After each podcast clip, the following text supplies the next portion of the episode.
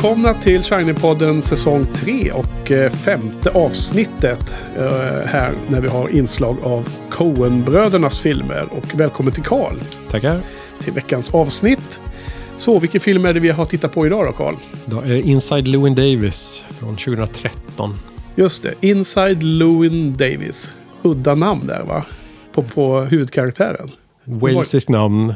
Ja. ehm, ger intryck av att ha eh, italienska rötter kanske. ja, han säger något om det va? Italiensk mamma och Wal- walesisk pappa kanske. Eller något sånt. Fullt rimligt. Mm. Ja. Och det är väl eh, filmen efter den vi såg förra veckan, True Grit. Alltså, det är det kanske. Eller kom det något däremellan? Eh, ja, förra veckan så pratade vi om The Lady Killers. Ja, sorry. Ja, så vi hoppar lite fram och tillbaka här. Den Men, vill jag eh, glömma. men vi har ju också pratat om True Grit och eh, 2010 var det ett hopp där på tre år. Det kanske det var. Jag tror Jag det. har inte kollat upp det. Men eh, oavsett så var det här en väldigt hyllad film. Oerhört hyllad film. Ja. Eh, vinnare i, i Cannes va? Till att börja med. Hmm. Eh, Var det så? The film won the Grand Prix at Cannes Festival. Ja. Okej. Tjusigt. Det är ju fint. Eh, och sen vet jag att man lyssnar ju på podcast och allting om film och den, den figurerade ofta på topplistorna från det året. Mm. Ihåg. var också en filmspanarfilm och den gick väl inte riktigt hem hos filmspanarna generellt. Ja, precis, det här lilla eh, film, det här gänget med filmbloggare som eh, ses ibland och kollar på film ihop och sen går ut och tar en öl och äter en bit mat. Och vi såg den i februari 2014, eh, listade vi ut genom att titta på våra bloggar. Va? Exakt. Så, så att eh, vi kan konstatera att både du och jag har ju sett den tidigare. Eh, men för mig är det här första omtiteln. Eh, jag har inte sett om den emellan. Har, har du sett den tidigare? Nej, det är samma här. Ja. Och då var det alltså på bio och eh, ungefär fyra och vad blir det? Fyra och ett halvt år sedan eller? Ja, något sånt.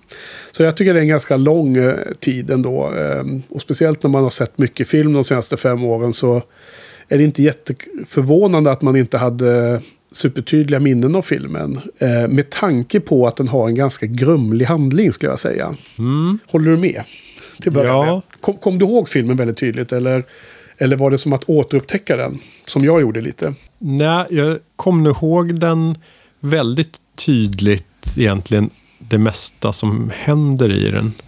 Däremot eh, inte kanske mer eh, känslomässiga detaljer. Nej, Och Tonen i den hade jag andra minnen av egentligen.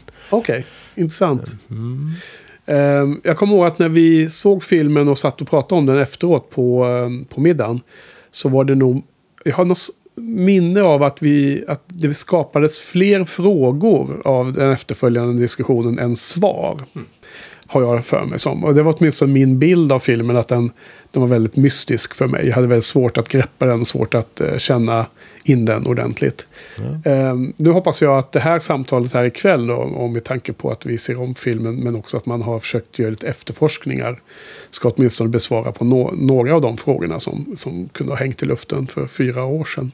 Eh, det är vad jag hoppas i alla fall. Eh, så för vad, ska vi dra lite kort synopsis vad som hände? Vad var det har för några handlingar? Har, vågar du dig på ett försök? Carl? Ja, eh, absolut. Även om eh, Coen-bröderna själva säger att de slängde in eh, den här katten i filmen för att det skulle bli någon handling överhuvudtaget eftersom Ja. det inte fanns någon i övrigt.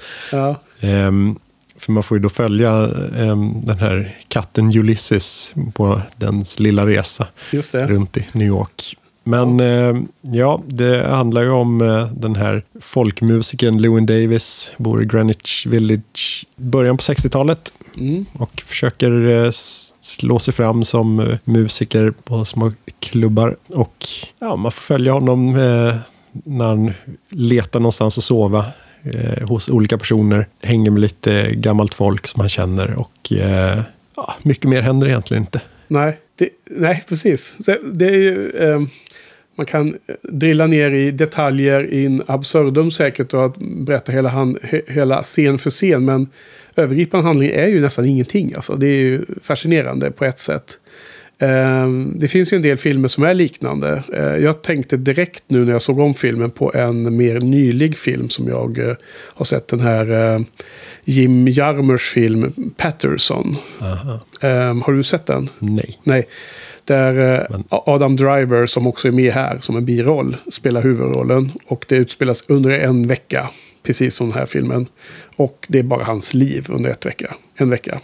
Utan synlig start och slut, mer än att det är, är liksom den här tidsrymden som definierar filmen. Ja. Ehm, lite intressant faktiskt. Man skulle nog kunna ha de två filmerna som en double ticket och jämföra ganska mycket. Och i min värld så är ju Patterson eh, överlägset mycket bättre än den här. Där ser man. Jag. Har nog aldrig sett en eh, bra Jarmusch-film ändå. Nej, men det är ju eh, i och för sig lite överraskande att höra. Men det är väl olika eh, favoritregissörer då. Jag tycker han är ganska bra oftast. Fast en del klavertramp också finns på vägen där.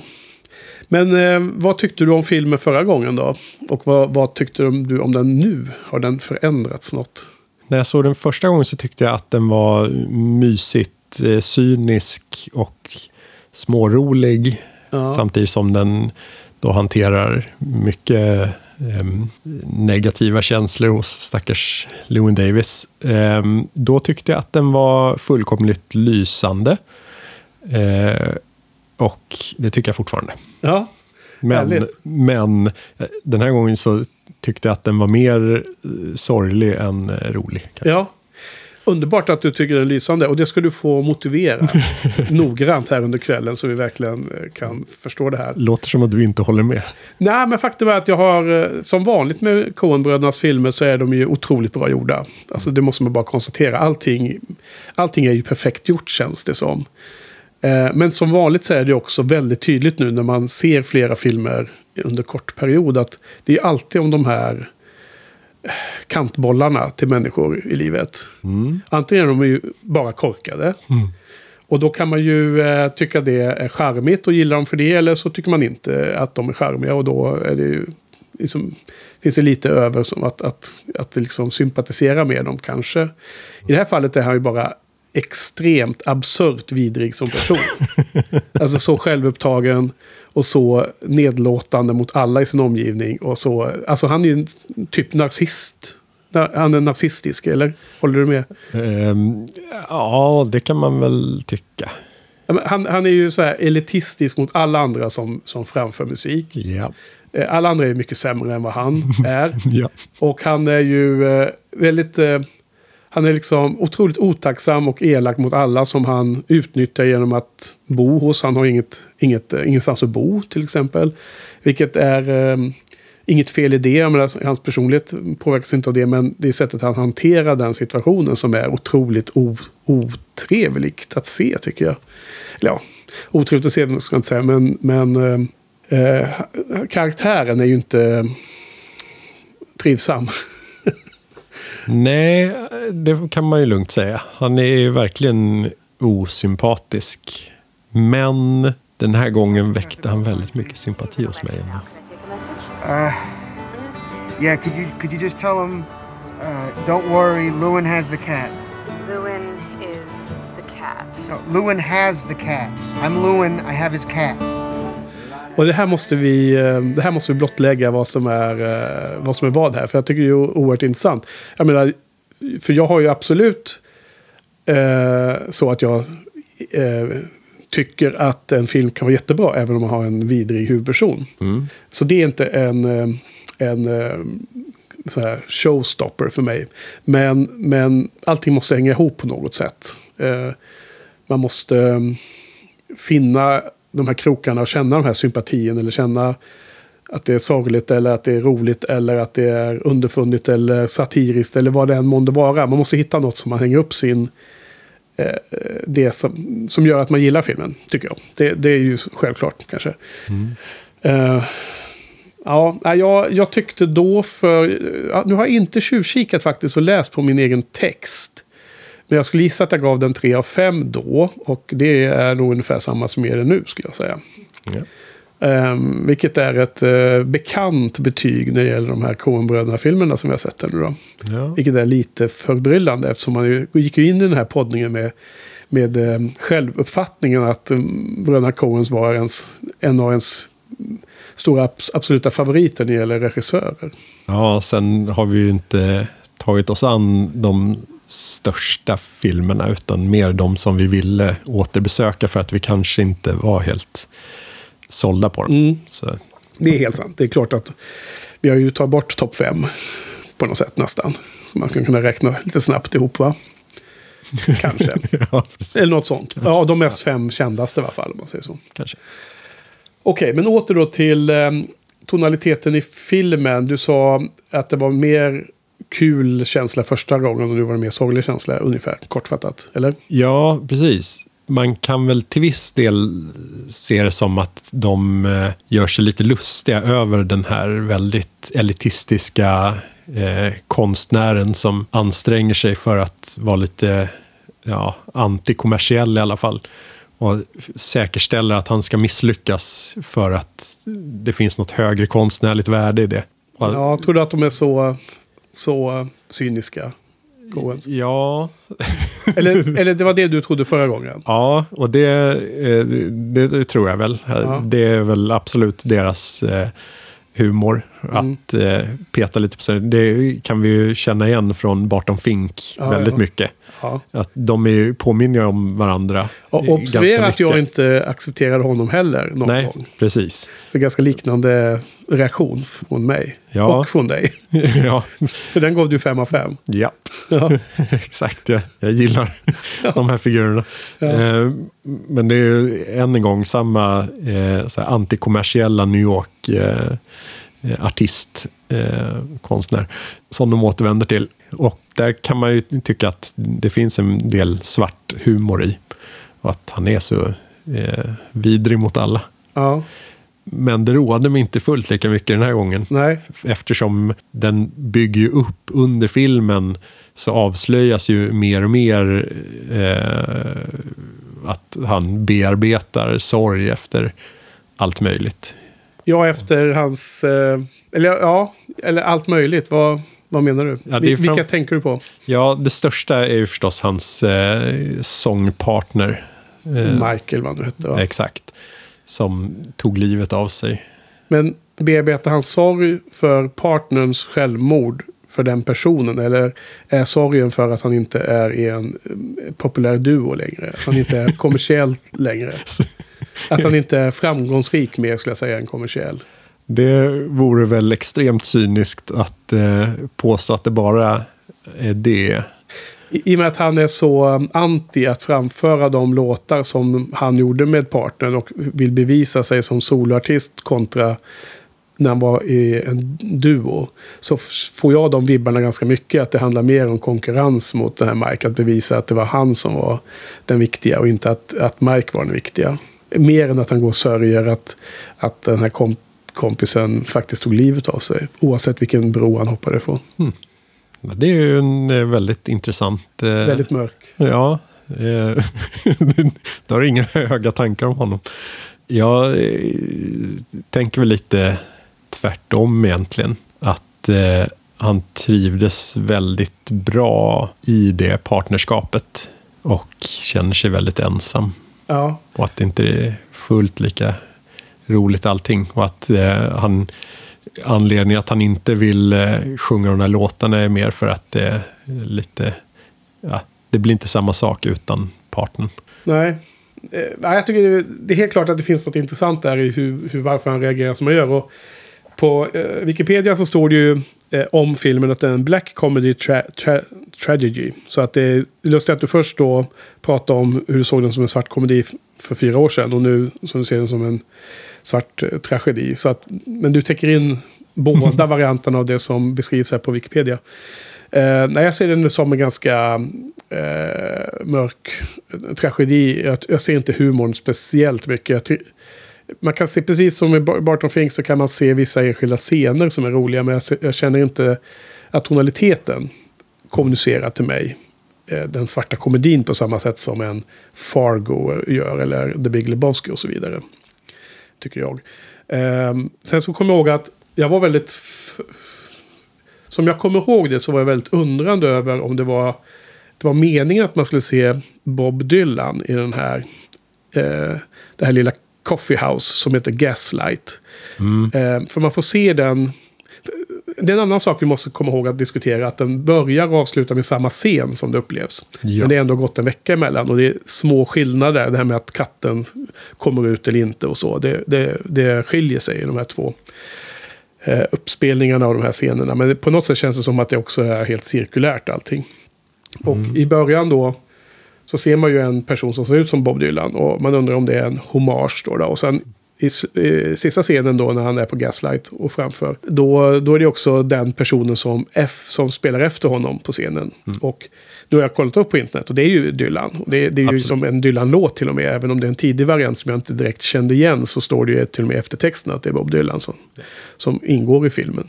Och på internet kan man också se att Gaslight fanns ju. Det var ju ett ställe som Dylan spelar på. Det finns till och med någon, någon skiva släppt med eh, alltså, tidigt material från hans eh, Gaslight-framförande. Tio låtar live från detta. Det kan mycket väl vara någon av de låtarna som vi hörde till och med då på, på runt, för det, det är väl det spelas på under eftertexterna eller sånt där. Eller precis slutet i alla fall. Ja, exakt. Så att det, ehm, Och att det verkligen är en, en Dylan-inspelning.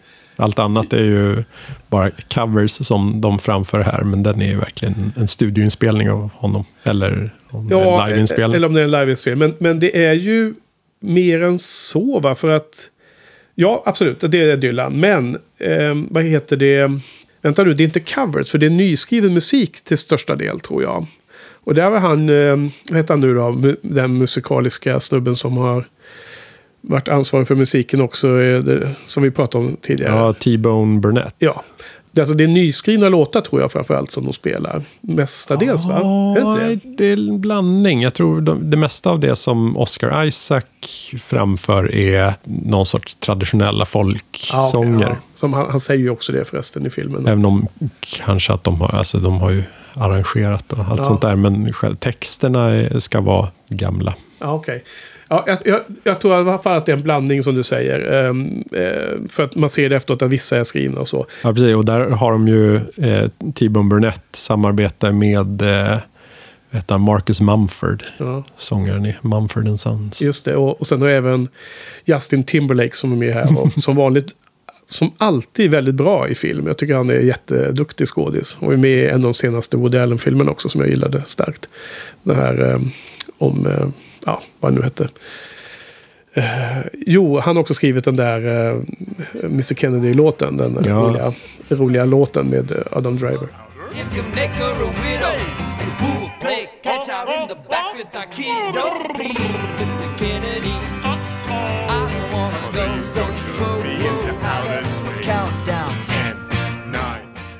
Men i alla fall, filmen bygger ju löst på en eh, autobiografi av en sån här folksångare som heter Dave Van Ronk. Mm. Har du kollat upp det eller? Jo, Och ja, det var också en annan fråga som jag hade när vi såg filmen på bio för fyra år sedan. Att hur mycket eh, biografiskt var det? Och var det någon person man skulle eh, tänka sig att Lewin Davis var och så vidare? Och det, det står här på Wikipedia nu i alla fall. Men det kommer jag ihåg att jag funderade på då. Ja, även där så är väl lite som Barton Fink.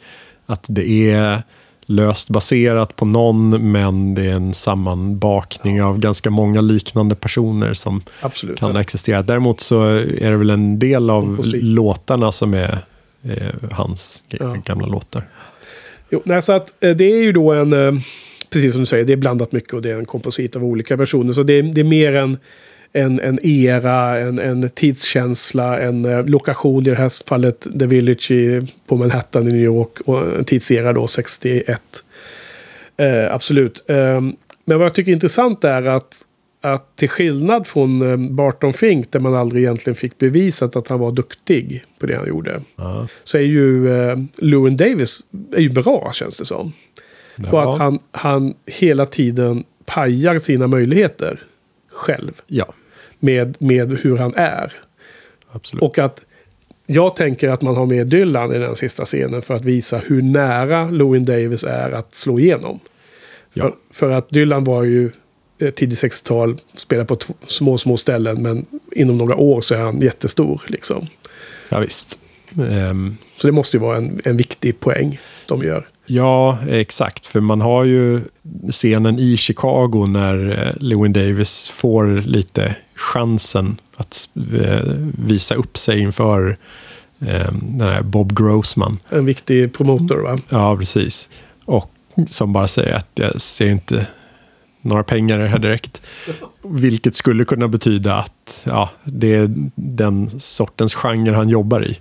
Men sen ja, får man ju just se att ja, det är inte genren i sig som inte är kommersiellt gångbar utan det är personen som Ja. in, inte eh, gör rätt helt enkelt. Vi kanske också tolkar, ja, som jag tolkar den scenen med han promotorn i, i eh, Chicago. Spelades inte han av F. Murray, Murray Abraham. Abraham också? Just det, mm, precis. Jag tolkar det som att han får ju ett tips där. Jag, jag kan sätta ihop det i en, till en trio. Ja. För det behövdes någon mer där. Och det kändes som att hade Lewin varit mindre stolt in absurdum och mindre obenägen att, att eller mer, mer intresserad av att vara flexibel eller försöka verkligen göra allt för att lyckas och hade hoppat på det så vet man aldrig vad det hade blivit för någon grupp av, supergrupp av det liksom som är ihopsatt. Ja, men det har hänt förr genom alla, alla tider att det sätts ihop och sen så blir det väldigt framgångsrikt. Ja. Sen vet man aldrig om de som sattes ihop och inte blev, slog igenom. Hur många de var. Men det var inte omöjligt att det, att det där skulle kunna varit en grej för honom. Jag menar, han, han bränner ett antal chanser under filmen. Det, det första är ju när han får eh, bara av en... eh, eh, den här eh, Jim är bara schysst då. eh, Jim och Gene då. Med Justin Timberlake och Carrie Mulligan som är härligt par. Och som jag tycker bland de roligaste scenerna man får se i den här filmen är när de är med. Eh, och han Jim tar med Lewin Davis på den här inspelningen av den här Mr Kennedy-låten med Adam Driver. Och sen där får han ju chansen att, att få royalties på den här som senare då omnämns som att det här kommer bli en hit. Och Ja. Tänk om man hade haft royalties på det här, då hade man kunnat levt på det resten av livet. Och, och då har han ju bara pissat bort för att han var tvungen att ha liksom 200 dollar i handen just då. ja. Som han lyckas kasta bort på ingenting. Ja, som sen inte behövs. För att sen kastas bort på någonting som han, han fuckar upp ändå. Eh, Han köper sin... eh, Köper in sig i eh, facket igen. Han har missat att betala så han, har, han ligger back där. Och, och sen betalar han den men då har han lyckats slarva bort eller igen då pissat bort chanserna för att han har kastat bort sitt, vad heter det, arbetslicens. Så att, men, men det intressanta är att han är inte eh, usel utan han är bara usel. Han är inte usel, eh, han är inte en usel musiker, han är bara usel människa. Ja, eh, precis. Han eh, behövde Mike för att hålla ordning på honom kan man gissa. Ja, kanske. Vilket eh, kanske inte är superovanligt med den sortens konstnärssjäl. Ja. Att eh, ha lite svårt med det vardagliga. Få saker att funka. Jag, jag fick en liten sån vibb när jag såg filmen här nu då. Att man tänker sig. Hur var det för Art Garfunkel efter att Paul Simon då, som man får gissa, eh, vill, ville de skulle bryta upp. För de började väl bråka någon gång, Simon och Garfunkel. Och sen blev det, fick de köra solokarriärer efter det. Och jag menar, Paul Simon var det inga problem med. För han, han var ju den kreativa av dem. Medan den andra var duktig på att sjunga liksom. Mm.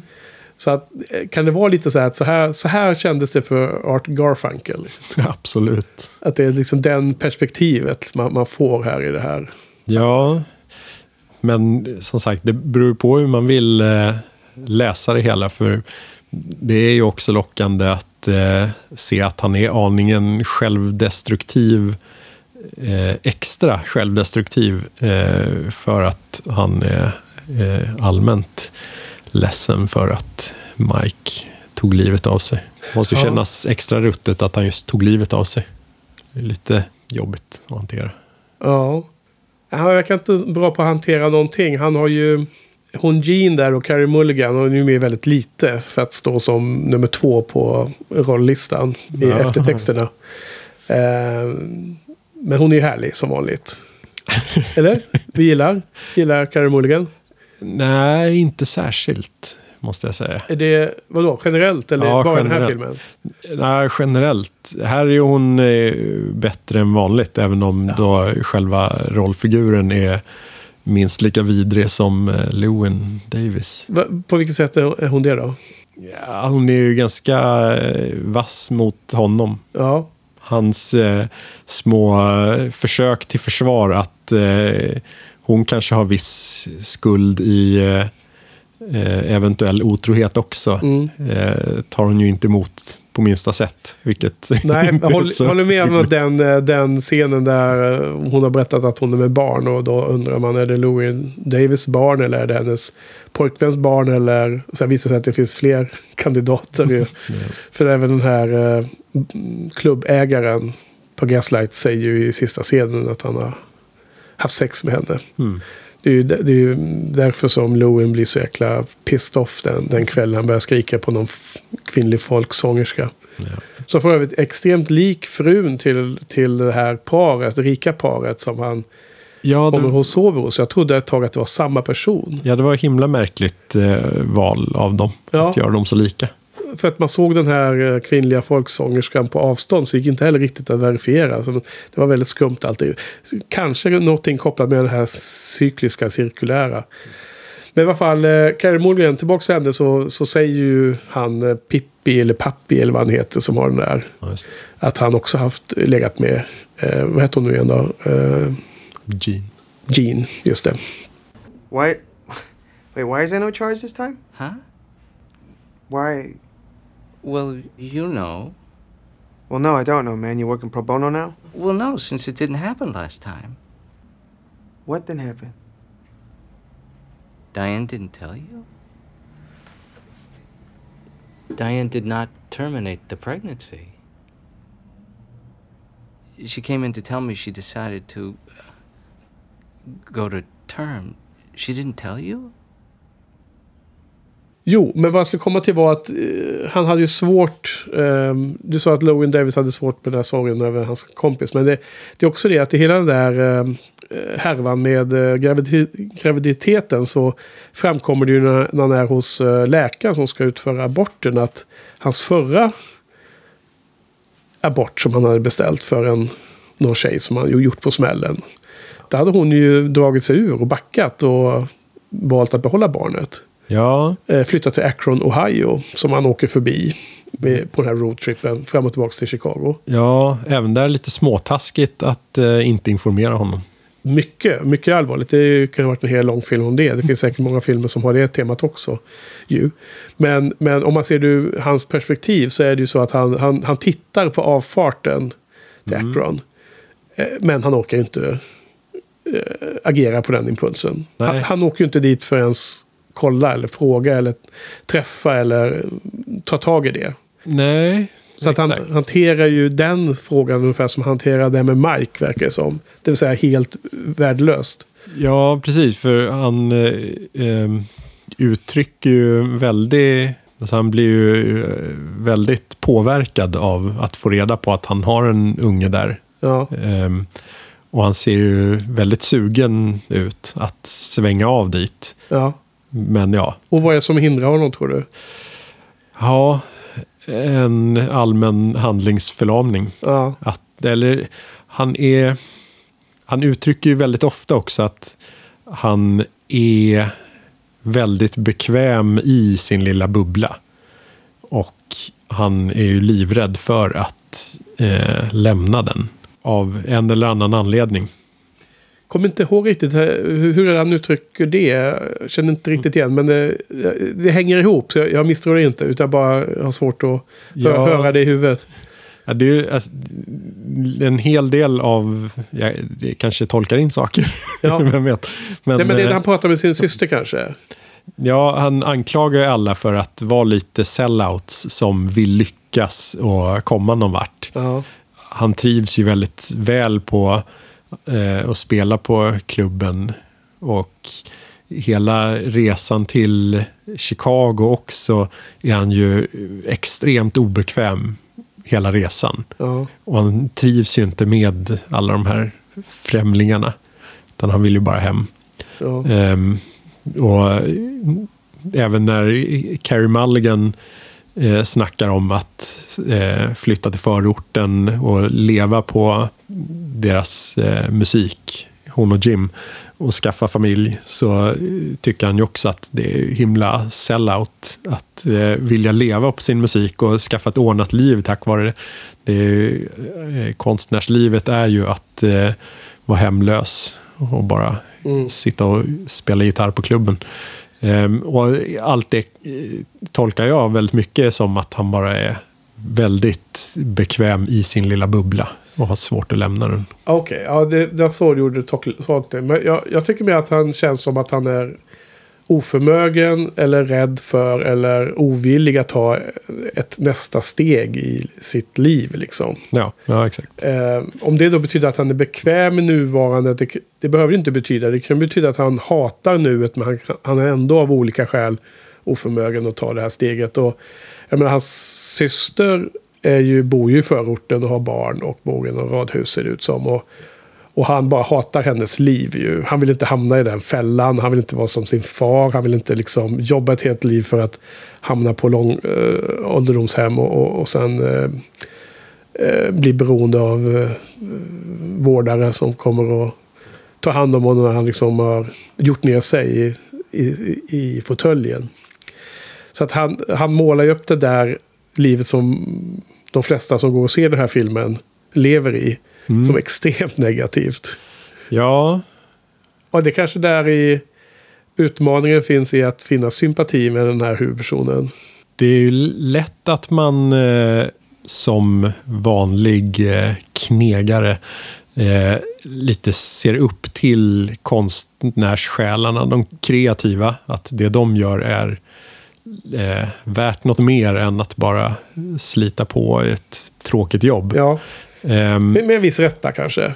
Ja, men det finns ju många av dem som istället känner tvärtom. Alltså att eh, anledningen till att de håller på med sitt kreativa är ju för att de inte kan eh, hantera ett vanligt jobb. Och Att, det, att de istället kan se upp till den som har ett ordnat liv och en fast inkomst. Ja. Och att det där finns eh, någon sorts eh, ja, osäkerhet i, och oförmåga att faktiskt eh, leva det livet.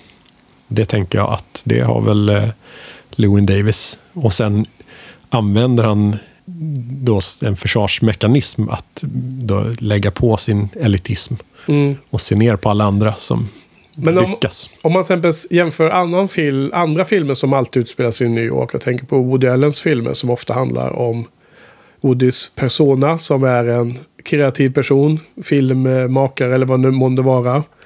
Som har då eh, extremt dåligt självförtroende och stort självhat och eh, som är cynisk och ironisk på olika sätt och vis. Skillnaden mellan hans rollfigurer som man oftast kommer ihåg från de mer kända filmerna och Lewin Davis är ju att Woodys karaktärer har någon form av insikt om att de är sorgliga personer också. Ja, men, men också är väl lyckade i någon mån. Kanske... De är inte hemlösa. Nej, de, är- de är... Ja, precis. De, de är oftast äldre än Louis Davis kanske senare i sin karriär. Men de är fortfarande helt neurotiska och, och de ojar sig runt eh, konsten kontra sellout och kontra tjäna pengar. Och jag menar, mm, stora små brott när han har sin svåger eller vad det är med Allan Alda där som bara är liksom en usel regissör men tjänar jättemycket pengar. Och han gör själv så här skitdåliga filmer men, men tycker det är fin konst. Eh, det, på något sätt så eh, saknar jag den här lilla, lilla, lilla livlinan från filmen till mig. Som visar att Lewin Davis har någon uns av självinsikt med sig. Själv... Mm, alltså att han kan se, betrakta sig själv på något perspektiv. Han, han är så... Alltså det, det, det är så 100% eh, ogästvänligt så som karaktären presenteras. Jag finner inte den där... Eh, du sa att du kände sympatierna ju. Ja, precis. Och det är det jag måste försöka förstå var du hittar det någonstans. Jag tror att det är passande nog väldigt ofta i själva musikscenerna. När han till exempel sitter och spelar in den där eh, Please Mr Kennedy Mm. så ser man ju att han trivs ju väldigt bra. Han har ju väldigt roligt när han får göra musik tillsammans med Justin Timberlake. Ja. Och att han trivs ju i den där miljön när han väl sitter med gitarren. Ja. Också när han spelar en sång för sin far eh, så blir det också hans sätt att kommunicera och Ja. uttrycka sig på något sätt. Det Ehm, var en ganska jobbig scen. ja, Hela den mötet med hans far på, som var senil. den är ju väldigt känslomässig. Och att han, i, när han väl får sitta med gitarren, även just det hos Bob Grossman, Mm. Där han sjunger om eh, drottning Jane som dör eh, när hon får något kungabarn. Eh, som kanske har någon sorts kopplingar till hans eh, familj. Vem vet? Eh, så känns det också som att att han... mamman, ut- mamman är död? Ja, det får man väl intryck av att hon är. Och att Ja. det är en del av hans problem också. Ja, det är helt För klart. hon diskuteras ju inte överhuvudtaget. Nej. Egentligen. Men hon saknas. Pappan är gammal och, och modern borde... mm, Mammorna blir oftast äldre än papporna generellt sett. Va? Om, man ja, ska, och de, om man skulle gissa någon av dem skulle man gissa att det. ja, och att de pratar inte ens om henne. Nej, Det får, då får man intryck av att det var ganska länge sedan hon försvann ur bilden. hon hoppade från bron. Kanske det. Ja. Vem vet. Men eh, också när han eh, ja, sjunger Mikes låtar. Eh, särskilt i slutscenen kanske. Väldigt eh, uttrycksfullt. Och där tycker jag att man eh, får känslan av just att när han har gitarren i händerna så kan han eh, uttrycka lite känslor som han har väldigt, väldigt svårt att eh, acceptera annars. Ja, nej, det är... Det, är, det finns där då, uppenbarligen. Ju, det är bra, bra att kunna sätta ord på det. Det är svårt. Eh, nej, men det, jag, jag, jag ser det från ditt perspektiv när du beskriver det på det sättet. Och jag tycker att musiken är som sagt... Eh, jag menar, man får en känsla av att han är bra. Att han, det, det hade så, varit så lätt att göra den här filmen och så ha en dålig eh, eh, folkmusiker som då misslyckas. Då hade det varit mer en enklare film också. Ja, Eh, för nu tycker jag att det blir en poäng av att han har en talang. Eller han har någonting i alla fall. Sen om, om det då, hur mycket som var Mike. Eller om det, jag menar, det är inte ens säkert att det var Mikes låt egentligen. För jag tror inte det nämns. Det kan lika gärna vara så att han har blivit så förstörd av det som hände. Att han, han inte ens kan röra vid, vid ens sina egna låtar som gjordes i du- duon nu. Jag menar precis som Paul McCartney eh, ett tag på, under sin solokarriär inte ville göra eh, Lennon McCartney-låtar från Beatles-eran. Men det har gör han ju nu för tiden. Men det var ju en lång period när det bara var solomaterial som gällde. För att antagligen bevisa sig och visa att man kunde stå på egna ben och inte vara beroende av den, den eh, partnern han hade i Beatles-eran. Det är nog en liknande ja typ av alltså möjlig förklaring. If I had wings like Nora's dove, I'd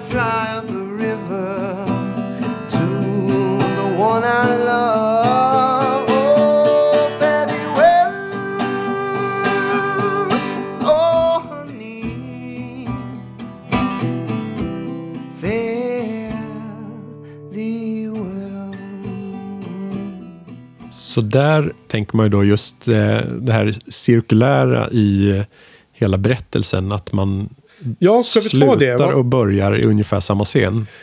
Ja, men tillräckligt olika för att på något sätt antyda att de är två olika händelser. Men tillräckligt lika för att antyda att det skulle vara samma händelse. Så hur, vad, hur, hur ska man tolka det? Ja, min tolkning är väl att när man ser den första gången så är det en flashback. Forward. Eh, Eller? ja, precis. En Ja. flash forward. Ja, Eh, men att den då inte är komplett heller. ja, Eh, för när man ser den andra gången så är ju skillnaden just att han eh, sjunger eh, hans och Mikes låt. Eh, Fare thee well. Någonting. Just det. Och det, det är mer som är mer komplett i den andra gången man ser den. Även innan framförandet och även efter han blir spöad ute i gränden. Ja, för det är ju ex, det är exakt samma framförande av låten innan. Ja. Eh, men sen får man ju det se det här också. Ja. Eh, den låten också. Vilket eh, sen motiverar reaktionen han får från Pappi. Ja, om att ja, det där var din och Mikes låt. Mm. Och sen går han ut och får stryk. Ja. Alltså det är, ju, det är ju samma händelse. För det är ju det här, du har en vän där ute och det är en lång man i rock och hatt och så. Så att det är ju samma sak som händer. Och första äh, när man ser den sista gången, som är då en flash forward. Då, det är då man får se när han har sovit hos, vad heter de här? Eh, Gorfines. Gorfine, de är akademiker från eh, rika områden till Manhattan verkar det som. Eh, De är ju så här Woody Allen Ja, som har så här middagar hela tiden. Man sitter och dricker alkohol innan och så sitter de och har intellektuella samtal. Ja. Eh, De var, de var också ganska sköna scener tyckte jag. Ja, verkligen. ganska, ganska mysigt. Jo, så att morgonen före han får spö så går han ut och katten kommer inte ut då. Det, han hindrar ju katten. Ja. Nu, så som man ser det i filmen så tror man att han har lärt sig sen förra gången. Men så är det ju inte. Det här hände ju före då. Ja, Jo, för att då, om det är en flash forward så stämmer det igen. Så stämmer det. För sen när han... Efter han har blivit spöad så åker han dit och bor där natt nummer två. Och det är då, den morgonen, som katten försvinner ut. Det är det man får se i början av filmen sen. ja, fast det tänker jag är... Det är där filmen börjar. Det händer efter eh, flash-forwarden. Ja. Det slutar med att han får stryk. Och sen hoppar man tillbaka till nuläge när katten väcker honom Ja, men första menar, gången. Och sen händer allting. Om man, om man nu ska försöka... Jo, precis. Men alltså... Däremot så eh, håller jag med om att själva upplägget visar ju att det finns någonting väldigt cykliskt i eh, hans vardag. Ja, men det, det är vi överens om. Det är det så här, en vecka har gått. Ja. Det börjar och slutar likadant och han har inte kommit någon vart i livet. Han har inte gjort den här... Han har inte gått igenom den här utvecklingen som en protagonist i en film, klassiska, en västerländsk film ska ha gått igenom. Eller? Men sen, ja, han, han kanske har det ändå, Ja. eh, trots allt. Okej, nu måste vi pausa den här cykliska. Men vi måste grunda det. Men fortsätt först med hur han utvecklats då. Berätta. Ehm, just att han eh, börjar, ja dels att han eh, har lärt sig att stoppa katten. Det är alltid något. Säger väl någonting, för den där katten eh, har väl någon viktig funktion också. Ja, Ulysses. Men sen också att han eh, trycker i, i eh, den låten. Kan ju antyda att han så smått börjar acceptera eh, sorgarbetet. Okej, men, men åter då till det här cykliska. Han sover över hos, vad heter hon nu, Garvel? Gorfine. Gorfine. Han sover över hos dem två nätter. Han går ut Ja. ur, lägenheten två gånger med olika resultat angående om katten smiter eller ej. Ja. En gång smiter den inte och en gång smiter den. Vilket menar du då, om vi nu kopplar ihop allting och med flash forward och allt vad det månde vara. Vilken, han, han, eh, han går ut och katten eh, smiter, det sker först. Ja. Den första övernattningen. Och när sker det att han övernattar och går ut och lyckas behålla katten där inne? När sker det då? Ja, på slutet. Innan han eh, går till sin sista spelning. Och sen får stryk. Jaha. Okej. ehm, Okej, så det, det, är en, det är en mix, en komposit då. Den första scenen är en flash forward. Och sen hoppar man tillbaks mitt i den scenen så att säga. Och tar vid. Det är någon annan, annan kväll ute som han hamnar hos dem. Eh, övernattar sen då. Något annat som hänt före den första övernattningen. Ja, just det. Ja, okej. Ja, men så, så kanske det är. Så kan man nog koppla ihop det. Um, man har inte gjort den här, man får nästan rita ner en diagram som är så populärt. Man får nästan ha en whiteboard. Men Ja, fast eh, jag vet inte om det är så nödvändigt. För eh, ehm, det är nog väldigt medvetet gjort att det ska kännas upprepande. Mm, jo, jo, men det är det absolut. Det, det, det förstår vi alla nog. Men frågan är lite mer hur, om det är bara ett artistiskt grepp av Coens och är liksom tänkt som en sån här eh, eh, magisk realism liksom. Eller kan det räknas in liksom? Kan man, eh, kan man förklara hur det hänger ihop? Att man ser samma... Man ser uppenbarligen själva att han blir spöad i gränden två gånger. Det är samma, samma händelse som syns två gånger i filmen. Och hur, hur, sker, hur hänger de andra bitarna precis före och efter ihop då, då och var någonstans klipps det i tiden och sånt. Det var det jag var lite nyfiken på om man kunde reda ut. Egentligen så är det skitsamma. Jag menar, filmen är- lika bra eller lika dålig oavsett. För jag, kan, jag kan köpa även sådana såna knep för att liksom bara skaffa en, en, en speciell känsla, en speciell feeling runt filmen. Det är helt fine, men jag var bara lite nyfiken på om man kunde reda ut det. Menar, och det hade ju också kunnat vara så att han första gången eh, släpper ut, alltså första gången eh, hindrar han katten och andra gången släpper han ut den för att han är mer distressed då, liksom mer, mer upprörd eller mer eh, tankspridd. Så det kan också vara en, ett, ett eh, sätt att beskriva hans state of mind och så. No masse shots, no coins on cloth. Don't give me rules. You play what you play. Well, you don't. But in jazz, you know, we play all the notes. 12 notes in a scale, dipshit. Not three chords on a ukulele. G, G, C, G, C, D, G. Oh, if you make a living at it, more power to you. Ja, ja. Nej, men det är en del intressanta saker runt det hela. Jag, jag, förstår, jag förstår lite mer vad du ser kanske hos honom. Jag vet inte riktigt eh, varför jag inte tycker att han är så... Varför filmen känns...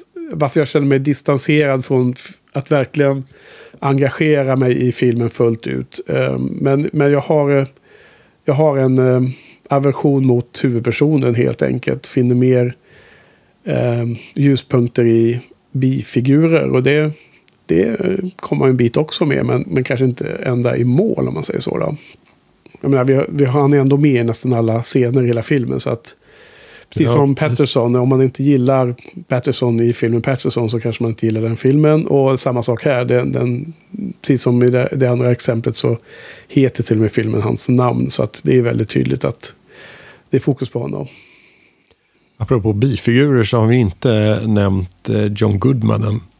Nej, jag tänkte att vi skulle ha sluppit det, men det gick inte att passera. Nu måste vi prata om det. Ja, Han är gigantiskt stor. ja, det är han. Eh, var, var, var han, såg han större ut på film än man var då? Eller var han så stor i runt 2013? Eller? eller Och är han lika stor fortfarande? Eller? Man får väl hoppas att han inte är det. Ja. Han såg gigantiskt stor ut. Han, han ligger ner i baksätet på en eh, stor amerikanare, modell större. Mm. Eh, liksom väldigt... Eh, sätter eh, en väldigt lustig... Eller väldigt eh, annorlunda känsla runt karaktären från första sekund vi ser honom. Ja, Ja. verkligen. Och ehm, går med två käppar. Och, Ja, för han är så ledbruten av övervikt och eh, knark och hårt liv. ja, precis. Eh, något oglamorös eh, knarkscen när han ligger stupad på toalettgolvet. Ja, alltså det står på Wikipedia att han tog en överdos av heroin och det ser man ju med sprutan och det det klassiska. Sen eh, överdos är väl per definition så fort man tuppar av på det sättet. Ja, kanske det. Det är inte liktydigt med att dö då uppenbarligen. Han överlever ju. Ja, precis. Hans eh, kompis, eh, vad han nu heter. Eh, Johnny Five eller något sånt där. Ja, just det. Han blev inte det minsta bekymrad. Nej, det var normalt. Eh, en jazzmusiker står det på Wikipedia. Ja, Hur, hur, och, hur eh, man det? Han eh, snackar ju om det hela tiden och är så himla nedlåtande mot eh, Folk- folkmusiken. Ja. Vilket är eh, väldigt lustigt att eh, Lewin Davis får utsättas för den lite samma elitism som han själv står för eh, mot andra sådana. Ja. Men från någon som Men är alltså- ännu mer nedlåtande. För, ska man förstå det som att han själv är musiker eller ska man förstå det som att han är en, en som gillar jazzen? En som kanske jobbar med jazzen? En som kanske till och med är en slags manager eller promotor eller sånt där. Jag, fick aldrig riktigt känslan av att han själv var en, en utförare. Men jag kanske misstolkade hans svar där. Han pratar så jäk- jäkla mycket om allt Ja, möjligt där. ja, precis. väldigt, o, o, väldigt, väldigt o, oklart vad han egentligen vill säga hela tiden. Ja, det är, håller jag med om. Svårt att hänga med i exakt vad det är han säger. Även Lewin själv är väl, eh, han stänger av öronen ganska snabbt Ja. på goda grunder. Så, han är ju kul i den här rollen, John Goodman, men jag tycker att det är, det är mer som en konstig inslag än bra för mig. Ja, fast det där känns ändå som en del av eh, resan att eh, Lewin Davis får lite mer självinsikt genom att utsättas för Ja. den sortens eh, eh, nedlåtande elitism.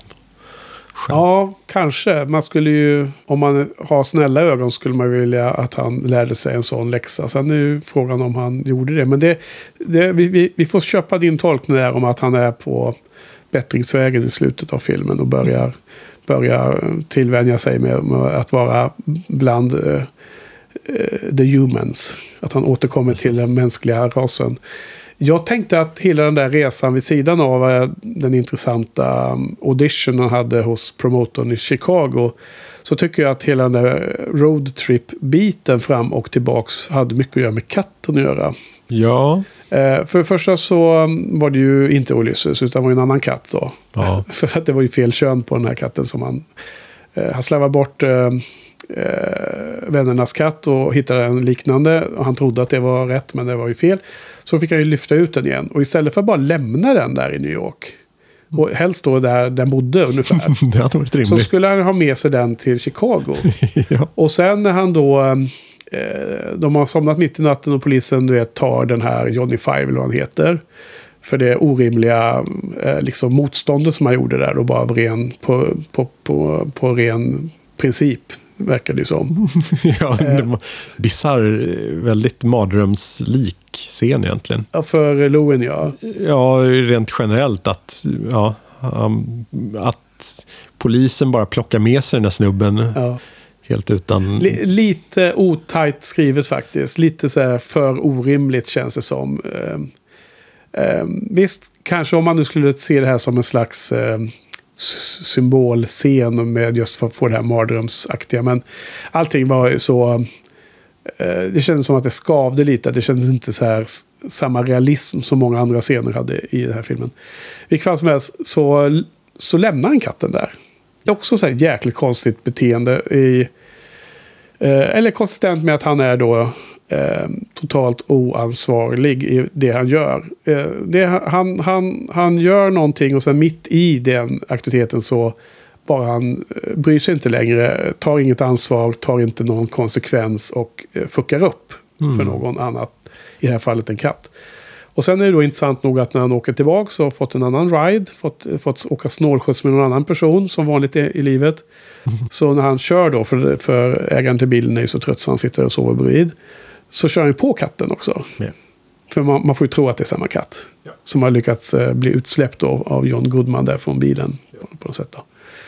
Eh, och då tittar han lite sorgligt, eller så här ledsamt och säger ja, där går den. Den kommer liksom, den kommer vara död nu om fyra dagar.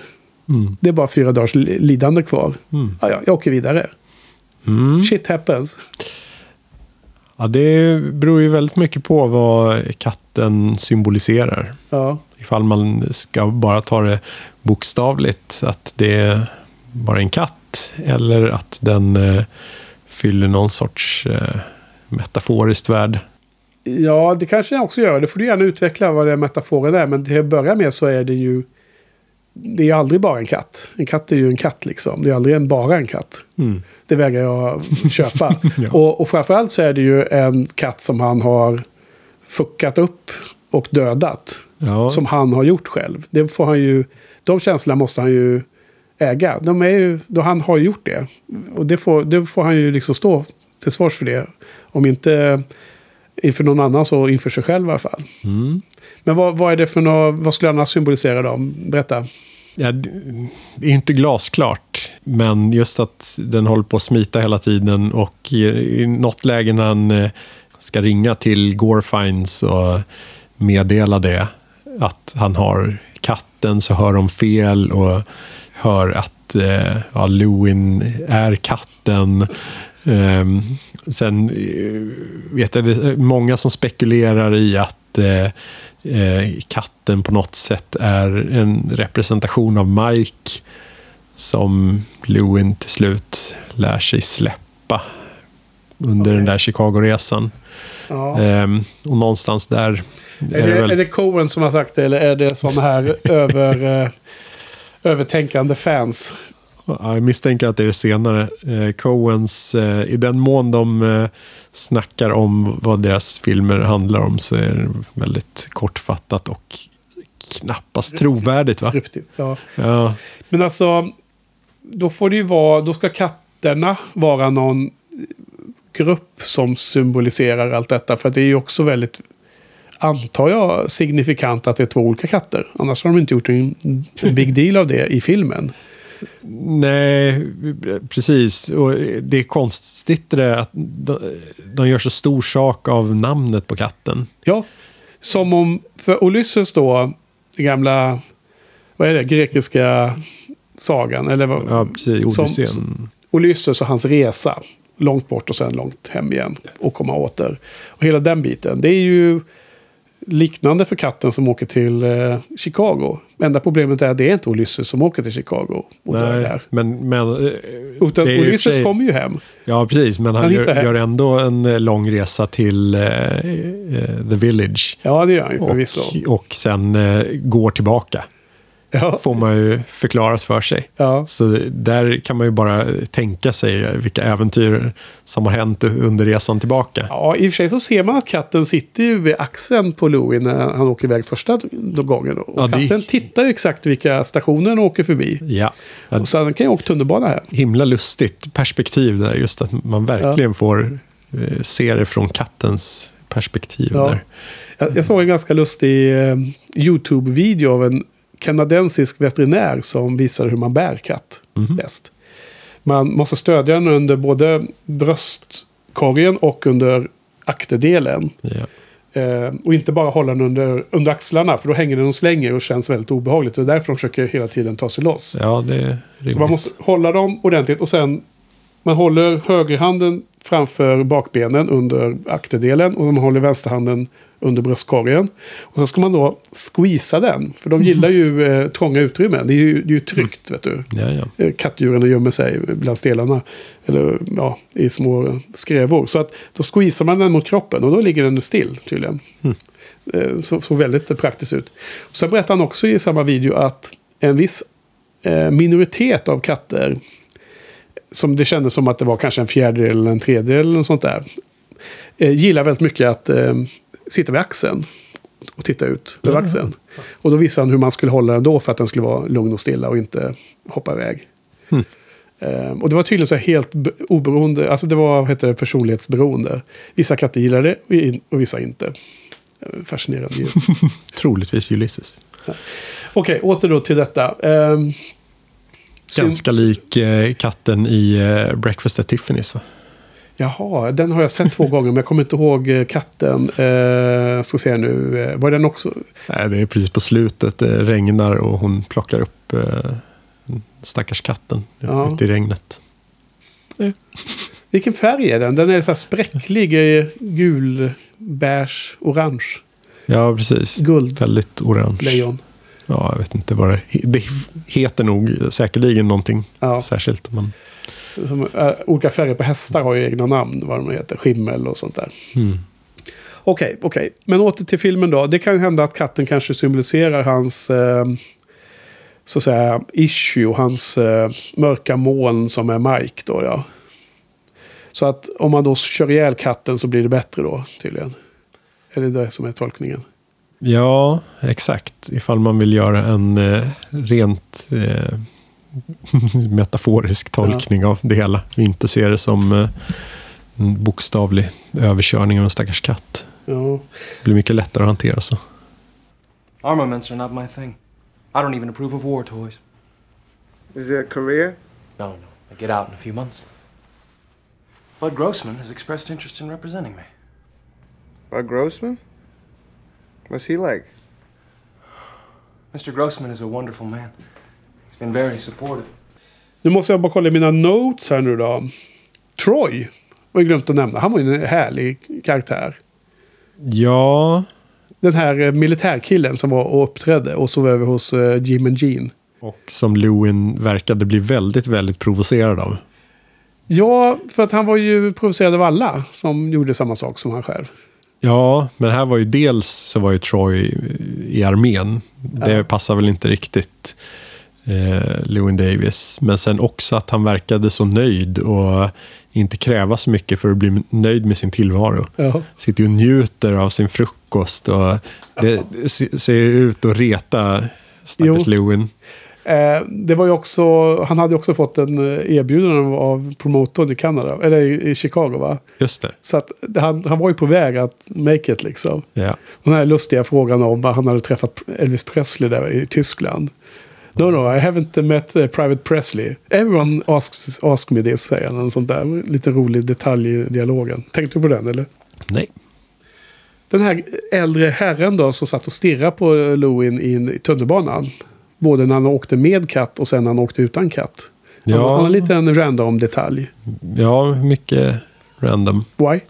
Ingen aning. Förklara? Nej, okej. Ja. Nej. Jag tror vi har täckt in det mesta. Man behöver Ja. inte kolla sina notes. Man får med det mesta ändå. Ja, det är ju en väldigt eh, simpel film. Mm, Ja, simpel. Nej, men den är ju superkomplex. ju. Ja, ja precis. ja, ja, det var lite ironiskt. Handlingsmässigt så det är lite som eh, Blood Simple kanske. Ja. Men mer, eh, mer känslomässigt komplex. Alltså jag håller inte alls med. Blood Simple har en liksom linjär handling. Mm. Man hoppar förvisso lite mellan perspektiven som du var inne på ju. Mm. Och visar mer fokus på olika karaktärer allt eftersom. Så att det är ju liksom ett, ett tricks de gör. Men den är ju väldigt så här från A till B. Eh, Allting leder till nästa sak mer eller mindre. Här är det ju eh, väldigt tydligt det här med cirkulära. Och det, det, det som ändras eller icke ändras under filmens gång. Och därom kan man nog diskutera ganska länge. Det är väl sant. Ja, ja ehm, du sa att den var lysande eller, eller vilket eh, var ditt ordval var. Vad, vad, vad hamnar den på då? Vad har du för några betyg på en sån här film då? Ja, den är inte eh, perfekt som eh, Barton Fink. Nej, nej. Eller eh, Big Lebowski. Ja. Eh, men fyra och en halv, absolut. Ja, Ehm, underbar film. ja. Du sa att det är en trea. Ja, jag gissar att jag gav den trea förra gången och jag, jag har tänkt ut en trea nu också. Så tyvärr så har i filmen, har det inte uppfyllts det här som, vi, som, man, som jag spekulerade i. Att vissa av de här lite mer, ehm, eh, vissa av Coen-bröderna-filmerna som jag inte har ehm, eh, gillat så mycket första gången som man kanske kan göra då om man lyssnar på andras hyllningar. har jag inte riktigt eh, känt att den växte på det sättet. Det måste ändå tilläggas att eh, framförallt The Lady Killers men också Blood Simple till exempel. Båda växte ju i andra titeln. Så att det händer ju. Ja, Ehm, True Grit växte lite och Barton Fink var ungefär samma. Men jag tycker att den här är mest lik Barton Fink och det är en typ av film som de ibland gör uppenbarligen. Och som jag kanske inte är eh, helt såld på då. nej. Men det är jättefantastiskt att du eh, är så positiv. Jag menar, jag vet inte, jag kanske bara är för eh, lättjefull att bara att känna att man inte känner någon njutning av att se filmen. Man känner inte någon sympati med karaktären och då, därmed så kanske jag inte gillar Ja. filmen så mycket av den, den simpla anledningen. Det är inget mer än det. Liksom. Nej, men det är väl eh, väldigt rimligt just för att den saknar väldigt mycket av humorn som de har i vissa av de andra filmerna. Den lutar sig väldigt mycket mot just att man ska någonstans hitta något i en deprimerad figur. Ehm, och kanske identifiera sig eller i alla fall sympatisera med. Mm. Annars så finns det ju inte jättemycket. Sen är det väl, eh, gillar man folkmusik så är det en lätt sedd film på det. För det är ju ganska många musikscener. Ja, det är det ju. Och jag tycker det är bra musik. Jag menar, den påminner ju om de tidiga eh, livekonserterna som finns med Neil Young. Han var ju en sån. Ja. Som åkte omkring och gjorde de här grejerna också. Bara några år efter Bob Dylan. Ehm, så det kan jag nog eh, gilla. Men eh, det finns ju andra filmer med musik, musikaliska inslag som är i filmens handling som jag kanske gillar mer än det här måste jag ändå säga.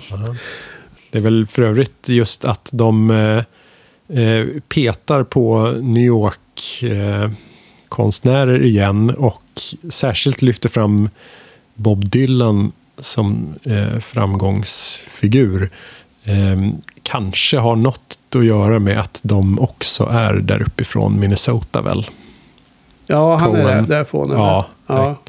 Och även Coen-bröderna. Ja. Kanske vill representera lite. Ja, det är klart de kanske har en liten gott öga till honom. Och samtidigt så är han ju såklart ikonisk. För, ska man prata om någon som kom upp i den här myllan runt de här åren så är det ju, tror jag man kan välja Dylan oavsett var man kommer ifrån i USA. Ja, men jag tänker varför de just vill eh, berätta. eh, Göra en- filmen överhuvudtaget. Ja, precis. Ja, ja. Om just den här Ja. Tidsepoken. Ja, ja. Nej, men det kan ligga något i det. Men så du, eh, förstår jag det rätt i att du kanske sammanfattar lite om att lite beroende på hur mycket man kan så att säga inte identifiera sig men ändå eh, sätta sig in i huvudpersonens psyke. Det, det, beror, det styr lite på hur mycket man kan gilla en sån här film. Eller vad tror du? Var det Ja, så? det ehm, tror jag. Mm. Ja, nej, jag- tänker på en annan film av Coen som vi inte ska prata om i den här eh, poddsäsongen. eh, A Serious Man. Ja, Finns det likheter? ehm, hmm. Där är det väl mer att han utsätts för en massa elände. Och är, är, det är inte att han själv Nej. är självdestruktiv, utan det är bara att världen krossar honom. Ja. Trots att han inte gör något fel. Men han, han, han är också mycket mer eh, lättare att tycka om. Ja, För den filmen tycker jag är ju helt fantastisk. Ja. Det är deras allra bästa tycker jag till och med. Ja, nej, han är, där är ju han verkligen en straight man själv. Och, ehm, han agerar rimligt, men alla andra är lite Lewin Davis mot honom. Merchant Marine again? Just exist? Exist? Is that what we do outside of show business? It's not so bad, existing. Like dad? Lewin, What? you say that about your own father. What? That he exists? I didn't say it. You said it. I, That he Forget it. exists like that? Yeah, yeah, I'm sorry. Seen him? Yeah. What? Should I? You tell me, he's your father. Yeah, he sure is. Kan man hitta någon annan film som har en huvudperson som, som är lika osympatisk som Lewin Davis och som man ändå kanske gillar? Oj, oj, oj. Ehm, Svår fråga så här i sista, sista minuterna av podden efter ja, en timmes känns, koncentration. Men ja, det känns som att vi eh, har stött på flera sådana här och där och att det ganska ofta eh, landar i att jag gillar sådana mer än vad du gör. Ja, ja nej, det, det är väl säkerligen en, en eh, bra eh, konklusion. Jag bara tänker försöka hitta någon film själv. Jag, jag, jag, hur var den här med... hette han? då? Var det Noah Baumbach som gjorde den här While We Are Young? Ja, Också ganska mycket om det här med eh, att sälja ut sig. Att, eh, vad är konst, vad är inte konst? Mm. eh, vad hette han? Är det Ben Stiller som spelar den äldre mannen? Och så är det Adam Driver för övrigt igen då, då Mm. som spelar den yngre. Och den här konflikten som blir mellan dem. Framförallt i huvudet på Ben Stiller då. då. ja Eh, Den är ju... Den tycker jag är mycket bättre än den här filmen också. ehm, Greenberg. Ja, Den den gillar också. jag ju. Hmm. För där, han är ju också ganska kärv. Han, han är, fast det här är ju Greta Gerwig med. Hon är ju så härlig. Mm. Så att då går ju den filmen ner mycket Okej. enklare. Hon är med mycket mer också, va? så vitt jag kommer ihåg. Stämmer det? Jag har ingen minne. Nej, eh, ja, det var länge sedan jag såg den. Men där Greenberg, han var också, kom in och bodde hos folk och sådär va? Han var en liten slacker och, eller hur var det? Vad var handlade den om? Oh, dumt att dra upp det här exemplet Ja, när jag inte ja. minns någonting. Nej, jag jag, minns bara att han, han var en ganska sträv Ja. person. Ja, precis. Det var ju inte en lättsam komedi direkt. Nej. Det var väl eh, första samarbetet på manus och sånt mellan eh, Baumbach och eh, Greta Gerwig. Tror jag. Det kan det vara. Jag tror att de var... Det var i början av att de var ihop. Ja, men den har jag minnen av att jag gillade faktiskt. Ja, Jag ja. gillade det mesta av han och Baumbach. Ja. Han är, han är fin. Okej. ehm, Okej då. Nej, men det var bra. Men då är vi väl närmast var klara för ikväll kanske. Ja, precis. Ja. Ehm, då kan vi ju nämna att till nästa vecka Ja. då blir det Millers Crossing från 1990. Precis, så det är alltså en av de tidigaste filmerna de har gjort. Ja. Det är en eh, film i gangstermiljö. Och gam, eh, tidsera också. En, eh, alltså, ja, vad det nu kallas. Kostymfilm nästan. Eh, har du sett den tidigare? Nej. Nej. Vad har du för några förväntningar, förhoppningar och vad har du hört om den här filmen då? Så vad är dina... Den är ju allmänt hyllad. Det är många som tycker att det är deras bästa film. Ja. Eh, jag tycker att Gabriel Byrne är stentråkig. Ja. Och därför har jag aldrig orkat se den här. Jaha. Ehm, så jag är... mm, Ja, Ja. jag ser fram emot det lite nervöst. Men du, det låter som att du kanske har för höga förväntningar, eller risk att du har för höga förväntningar, eller? Ja, fast jag är ändå väldigt inställd på att bli besviken. Jaha. Ja, ja just det. De balanseras med Gabriel Byrne. Eh, biten plus att du tänker att nu kommer det bli oket av för höga förväntningar kommer bryta din rygg. ja. Ja. Jag har sett den minst två gånger. Och jag tror det var den första Coen-bröderna-filmen jag såg någonsin. Och eh, har alltid tyckt att den var ganska bra faktiskt. Härligt. Så att jag ska se, se den nu med visst eh, intresse för att se om man kan eh, eh, känna igen eh, saker från de andra filmerna vi har sett nu på kort tid. Mm. Eh, har ju aldrig gjort en eh, Bröderna Coen-maraton utan har ju sett dem liksom utspritt Mm. ens film, filmliv. Så. så att det här är ju en ny erfarenhet. Mm. Det ska bli spännande. Det är nästa måndag det. Nej, men vad bra. Då har vi eh, avhandlat Inside Llewyn Davis. En film för eh, filmsnobbar. Eller? Något av en sammanfattning. Mm. Jag tänker på vinnare Cannes-festivalen. Det brukar alltid vara mer eller mindre skumt, eller? Ja, en film för eh, uppskattare av bra film. Ja, finfilmspersoner.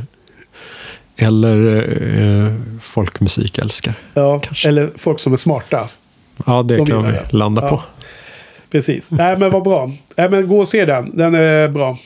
Okej, gå in på shinypodden.se och eh, ladda ner den här så ni kan höra oss och skriv kommentarer och eh, rätta oss eh, om det behövs och skriv in vad ni tycker om filmen.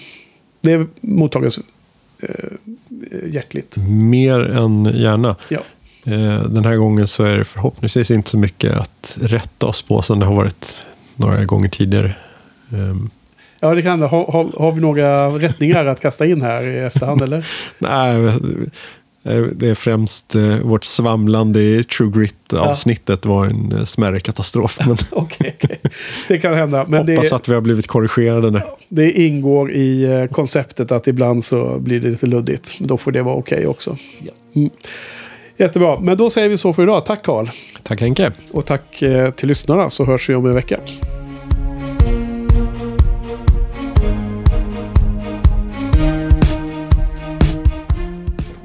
Yeah, okay. I can tell this is one of those things where I keep saying no and you think I'm just asking you to beg more. Yeah, that's right. Hey, well, look, I'm not a trained poodle. I thought singing was a joyous expression of the soul.